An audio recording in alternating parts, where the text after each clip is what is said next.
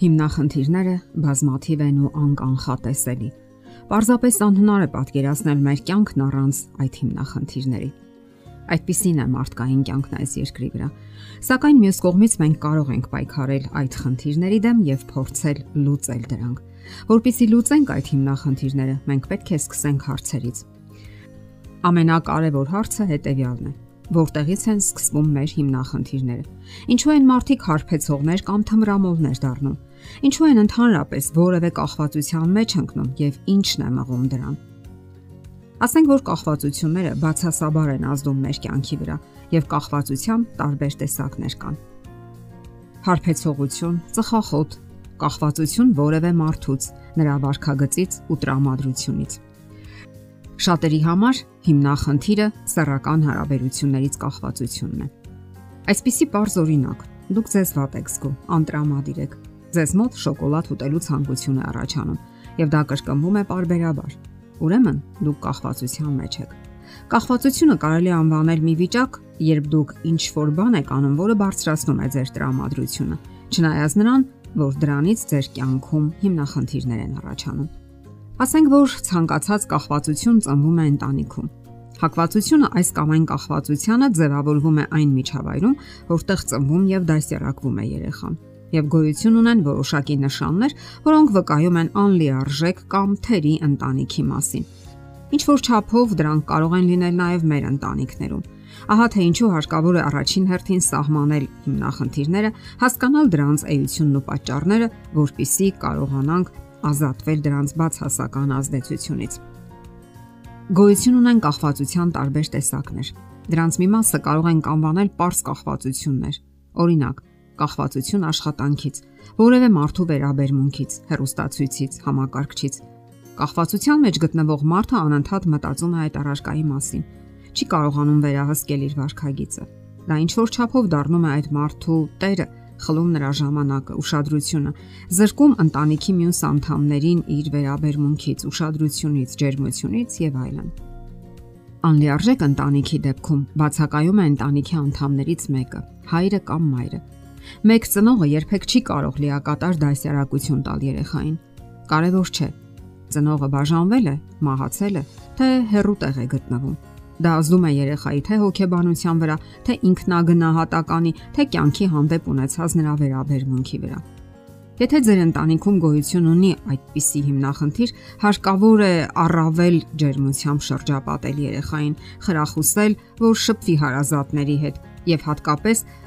բացակա սեռին պատկանող հարազատի հետ կարող է շփվել նաև այն մեծահասակների հետ, որոնց դուք վստահում եք։ Դա ինչ որ չափով կարող է մեղմել բացակա անդամի կորուստը։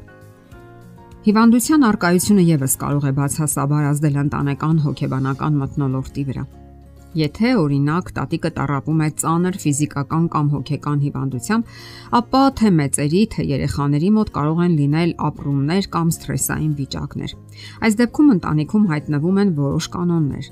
Հանգիստ եւ լուր պետք է պահես քեզ, ընկերներ չբերես, երբ հիվանդը նոպայի մեջ է, ուրիշներին չպատմես տան անդամի հիվանդության մասին, մշտապես հետևես հիվանդի վարքագծին կամ ինքնազգացողությանը։ Այս դեպքում հարկավոր է նվազագույնի հասցնել հոգեբանական վնասները, ուրشادիր խնամելով հիվանդին եւ չմոռանալ ապրել նաեւ լիարժեք կյանքով։